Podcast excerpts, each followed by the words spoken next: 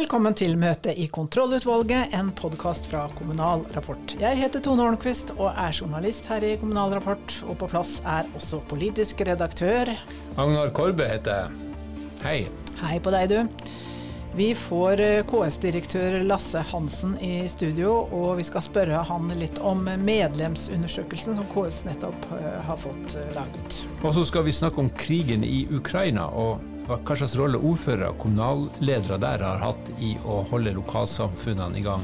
Elita Sakule er fagsjef for internasjonale prosjekter i KS, og hun kommer for å fortelle om KS sin kontakt med Ukraina og hva som skjer der. Og så til eventuelt eh, skal vi snakke litt om uparlamentarisk oppførsel i Kristiansand eh, bystyre, eller om det egentlig er det det er. Ja, der går det som eh, vi vet eh, av og til ganske hardt for seg. Eh, men hvor langt kan en representant gå i å ytre seg fra kommunens talerstol? For sjette gang så har Ipsos laget en medlemsundersøkelse for KS. Og undersøkelsen viser jo at ordførere og kommunedirektører gjennom, har et gjennomgående godt inntrykk av KS. Det, det, er veldig bra altså, ja, at medlemmene er fornøyd. Ja, så kommuner og fylkeskommuner er ganske fornøyd. Men eh, altså, det er jo bra for dere, Lasse Hansen, som nå sitter her i, i studio og er direktør i KS. Men eh, KS kan jo alltid bli bedre, og hva gjør dere for å bli bedre? Det kan vi, men jeg må få lov til aller først da, å si at det er jo veldig veldig bra at medlemmene er så godt fornøyd med oss. Og at de har vært så godt fornøyd med oss ø, over tid. Og at vi blir stadig, stadig bedre. Og det viktigste med det er at vi faktisk er best på det som er viktigst for, ø, for medlemmene. Og det er ø, tariff. Tariff er det, det, det er viktigst for medlemmene. og der Eh, gjør vi det best i undersøkelsen. Og da eh, har du tatt med at vi har bak oss en, en eh, arbeidskonflikt som har skapt høye bølger, både blant medlemmer utenfor KS eller kommuneverden. Ja, det, det, viser seg. Og denne undersøkelsen ble jo tatt opp delvis midt under konflikten. Men til tross for det, da, eller kanskje pga. det, og, og, og måten vi håndterte det på for medlemmene, for det er jo medlemmene vi er, er til for, så har vi fått et veldig godt resultat. 10 prosentpoeng opp fra siste undersøkelse på dette med tariff og håndtering av det spørsmålet. Eh, etter eh, streiken var avblåst, har dere fått noen tilbakemeldinger på eh, hvordan det ble avslutta og resultatet på det? Vi har jo ikke gjort noen systematiske undersøkelser Nei. på det etterpå, men vi, vi har jo fått uh, veldig gode tilbakemeldinger eh, rent sånn muntlig og litt sånn tilfeldig, eh, også etter at det ble avslutta. Så vi har på en måte stått distansen helt eh, til mål. Det området hvor medlemmene oppgir å være litt misfornøyd, er koronaavtalene som ble forhandla fram under pandemien. Hva er det de er misfornøyd med her? Har dere fått noe tilbakemelding på det? Det er jo litt, eh, litt, vanskelig å si. Eh, undersøkelsen gir jo ikke konkrete eh, svar på det. Men, men, men dette var en, en komplisert situasjon og en vanskelig type avtale. Utfordringen var jo å klare å fortsatt mobilisere arbeidskraft etter så lang, lang tid. Og sykehusene hadde jo gått litt før oss da, og laget en avtale som var ganske god for, eh, for sykepleien annet. og da var vi redd for at, at den enkelte kommune skulle bli satt i stikken eh, og fremforhandle egne avtaler. Så derfor valgte vi å, å fremforhandle en avtale som de kunne bruke. Det er ikke en sentral avtale som de måtte bruke, men det var en avtale som de kunne velge å bruke. Og det var nok også et dilemma for kommunene. Skal vi gjøre det? Skal vi tørre det? Eh, blir vi sittende med kostnadene? Blir vi ikke sittende med kostnadene? Det, det, jo, det var jo en litt dyr avtale.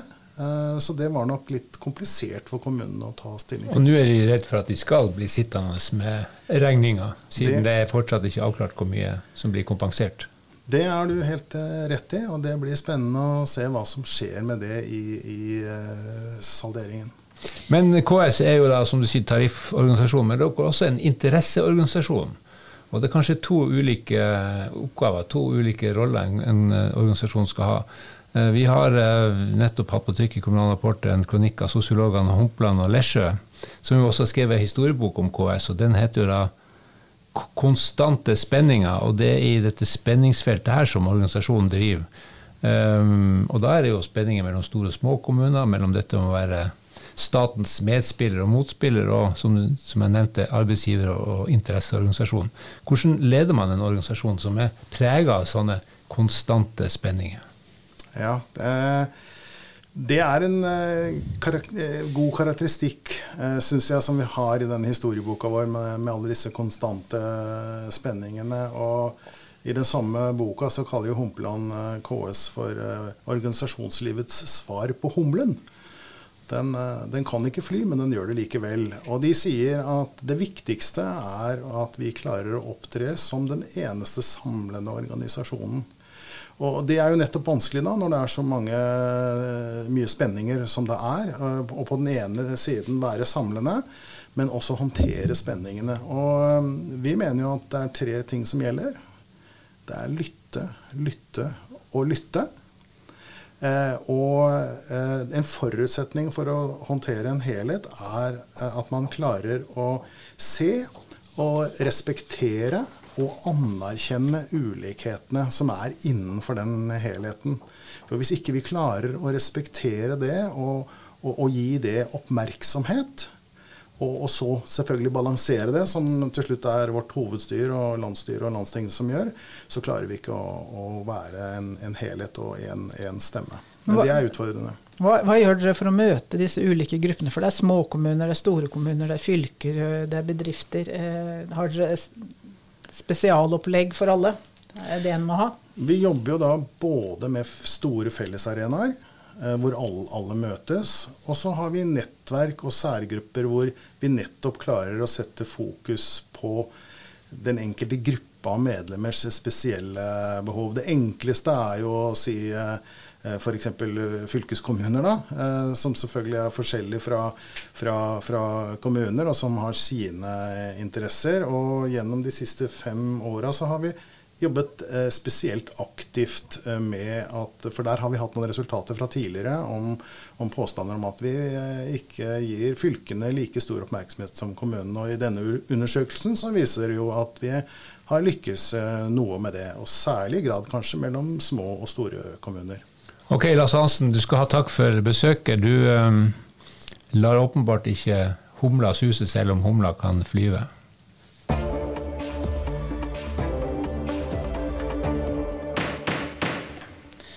Elita Sakule er eh, fagsjef for internasjonale prosjekter i KS, og du er her eh, i studio for å snakke om eh, Ukraina og hva KS gjør, og hva kommunene der ute kan gjøre for kommuner i det krigsherja landet. Hva, hva, skjer nå, Sakule? Um, vi Fremdeles eh, samme som når krigen startet, så har vi kontakt med vår søsterorganisasjon, som er, eh, som er Association of Ukrainian Cities. Eh, som samme som i februar, og hele tiden har jobbet enten hjemmefra eller nå som de jobber fra sine kontorer. Eh, våre hovedkontorer ligger i Kiev, og har jo de kontorer også i alle eh, oblast, i alle regioner, som er fremdeles aktive. Enten eh, hvis de er ikke okkuperte eh, områder, så jobber de fra sine kontorer, og hvis det er okkuperte områder, så har de flyttet ut til, til andre regioner i, i landet. Og uh, som dere også sikkert har også lest i avisene og, og, hørt ellers i media, så er jo alle ordførere er på plass uh, der hvor kommunen er ikke okkupert.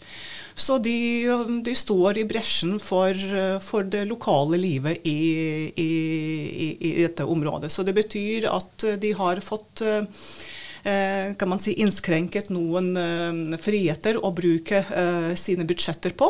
Det er ganske mye som går til det militære, men de fremdeles, fremdeles organiserer kommunale tjenester, som det er jo veldig viktig er avfallshåndtering, som vi også leser om vann, forsyning, oppvarming, som er også kommunale tjenester, mm. som nå utsettes veldig mye for bombing og ødeleggelser. Og så det er jo de også sammen med disse nødetatene som også får også hjelp fra uh, statlige myndigheter, så prøver å sette inn, igjen i gang uh, disse, disse tjenestene til folk. Og så er det jo avhengig hvor disse kommunene i landet ligger. Hvis det er jo mm, så, såkalte relativt trygge kommuner som, ikke, som, hvor, som er noe vekk fra frontlinjen, så de tar jo imot veldig mange internfordrevne. Og det er jo også eh, bl.a. kommunal eh, oppgave å tilrettelegge og samarbeide med frivillige organisasjoner, med nødhjelpsorganisasjoner som er på stedet, for å, tilrettelegge for disse folkene. Men også ta imot eh, f.eks. Bedrifter som flyttes ut fra eh, krigsherjede områder inn i såkalte uh, safe uh, områder. Man kan få inntrykk av eh, selvfølgelig når man sitter i Norge at det kommer en del flyktninger hit, og det kommer veldig mange i nærområdene der. Men det er selvfølgelig mange igjen i Ukraina. De skal ha de, sine daglige tjenester, og de skal håndtere en krigssituasjon. Men du sier at det er forskjell på om man er i et område med krigshandlinger og et, et, et av disse områdene. Eh, utenfor, eh, der det foregår store, store eh, krigshandlinger. Ja, også, men for, for, for, folk som bor der, som man jo egentlig ønsker, som også myndighetene i, i Ukraina jo ønsket at der hvor foregår krigshandlinger, at innbyggere de flytter ut eh, av disse områdene, slik at eh, man kan, de militære kan gjøre sin, sin jobb. Og da enten, eh, som også eh, vi, vi, også leser i avisene, jo enten folk flytter i landet eller utenfor landet. Og det er jo det er klart at eh, nå med, med, med alle disse ødeleggelsene på kritisk infrastruktur, så det er jo Eh, mange steder hvor det er veldig store ødeleggelser, hvor forsvinner varmen, eh, strømmen, vannet. Så, mm, så, det er jo kanskje også flere som er i landet. De også flytter ut, eh, i hvert fall nå før, eh, før vinteren eh, kommer og kulda kommer. Hva, hva kan norske kommuner og fylkeskommuner gjøre konkret i denne situasjonen? Det er jo mange som Det er jo veldig stor velvilje å, å, å hjelpe Ukraina. Ehm, det, det, merker vi, og det hører vi nå som snakker med norske kommuner. Og så KS ehm, nå har gått ut til alle landets kommuner og fylkeskommuner og bedt de å vurdere mulig samarbeid med ukrainske kommuner. Eh, og eh, det er eh, Så vi har jo sendt ut et spørreskjema til, til alle kommuner, hvor vi også har bedt å vurdere de. Hva slags kommune mm, kunne de tenke seg å samarbeide med Ukraina, enten det er såkalt disse trygge kommunene, eller, eller noe som også har vært enten okkupert eller inne i krigssonen. Og så eh, kortsiktig eh, på det, det, selvfølgelig er veldig stor behov eh, nå for, for alt som kan bidra til å overvintre, rett og slett. Og med tanke på det at det er ikke bare det er ikke bare den sentrale oppvarmingen er borte, men også strøm er borte. Og da tenke på hvilke, hvilke muligheter er det aggregater, noe annet som kan eh, kanskje hjelpes med. Eller varme, varme klær, soveposer eh, av, av, av, den type. Men, eh, men, også hvis eh, kommunene som, som vi også ser ligger i f.eks. I, i de vestlige områdene som ikke har vært uh, okkupert, så er jo kommunene i Ukraina er interessert i kultursamarbeid, de er jo interessert i næringslivssamarbeid, eller å lære på hvordan man tilrettelegger og utvikler uh, næringslivet. For det er jo mange bedrifter som har flyttet over dit. Man er interessert i forhold til håndtering av uh, de internt fordrevne, av flyktninger. Man er interessert i antikorrupsjonsarbeid. Også det er jo det som Så alt dette her kan norske alt dette kommuner kan gjøre allerede nå, Ja. allerede nå, som f.eks. er jo det at det nå kommer jo en delegasjon fra en kommune i vest i Ukraina, til Soknedal, for å rett og slett å opprette kontakt og lære mer om f.eks. antikorrupsjons- og etikkarbeidet Ja. i, i månedsskiftet november-desember. Til slutt, hvordan kommer dette hjelpearbeidet til å bli organisert videre? Nå sitter kommunen og hører på og tenker at vi må bidra, vi må gjøre noe. Hva, hva skjer videre nå?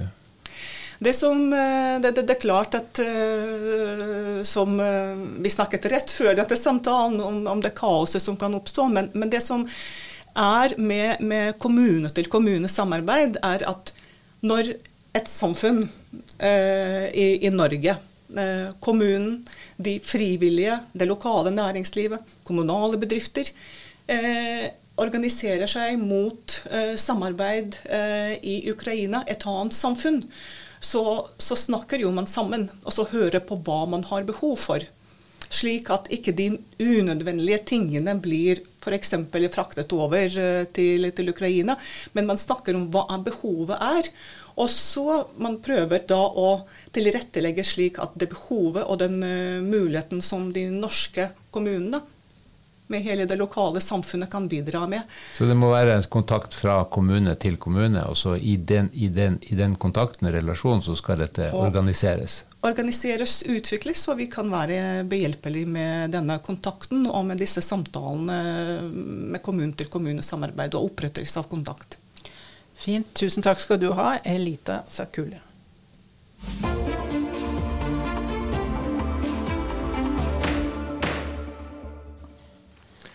Det går for seg i Kristiansand-politikken for tida, Tone. Du har jo vært der i bystyret flere ganger. og Er det så ille som man kan få inntrykk av når man leser nyhetsmediene?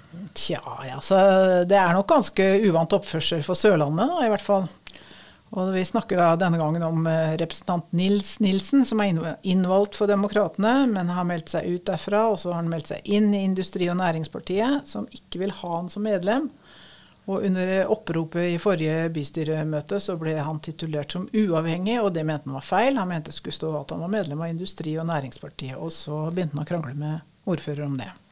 Ja, Men kunne han ikke bare få lov til å være medlem av dette nye partiet? Nei, altså tydeligvis ikke. da. Ledelsen i partiet hadde henvendt seg til ordføreren og sagt at de ikke ville ha han som medlem. Og så ble det da et munnhuggeri da mellom ordføreren og Nilsen. Og ordføreren så sa han skulle gå og sette seg, og Nilsen som ville forklare dette her nærmere. Og ordføreren som da sa at Nilsen manglet grunnleggende forståelse for reglene i bystyret. Ok, men det aner meg at det ligger noe bak her av gammel konflikt? da? Ja, det er, det er, noen år med irritasjon da, fra ordføreren over mange små og litt større episoder med Nilsen, som ja, det hadde kanskje drukna i annet støy, da, i f.eks. Bergen, hvor det er mye turbulens, eller blitt oversett kanskje litt i Oslo, men det blir for mye for Kristiansand og Sørlandet, dette her. Altså. Og så hører du jo med til historien da, at Nilsen har drevet en sånn nettavis som heter Sørlandsnyhetene, hvor han har kommet med krasse utfall mot lokalpolitikken. Ja, den Sørlandsnyhetene det er ikke noe å skryte av, spør du meg. Men han er altså en person som liker å dytte litt på disse grensene. og nå skal ha formannskapet diskutert saken, og noen vil kanskje ha han utvist fra disse møtene? Ja, det, det, får vi se hva som skjer der. Det, det er litt ulik oppfatning her, for det handler jo om ytringsfrihet òg. Det må vi ta vare på. Ja, Ytringsfriheten. Den er veldig viktig. Så, og han er jo folkevalgt, så det å utvise noen fra et møte, det er jo veldig strengt. Så vi får se hva de kommer fram til. Men vi kan regne med at det blir flere episoder i disse hendelsene i Sørlandet? Det tror jeg helt sikkert. Altså. Det er nok ikke det siste vi har hørt om gnisninger i Kristiansand bystyre. Da betrakter vi eh, denne møte etter møte i kontrollutvalget som eh, heva, og ansvarlig redaktør for podkasten og Kommunal rapport er Britt Sofie Hesvik i studio, Tone Holtquist og Agnar Korbe. Og ikke glem å følge med på våre nyheter på våre nettaviser og det som måtte være der.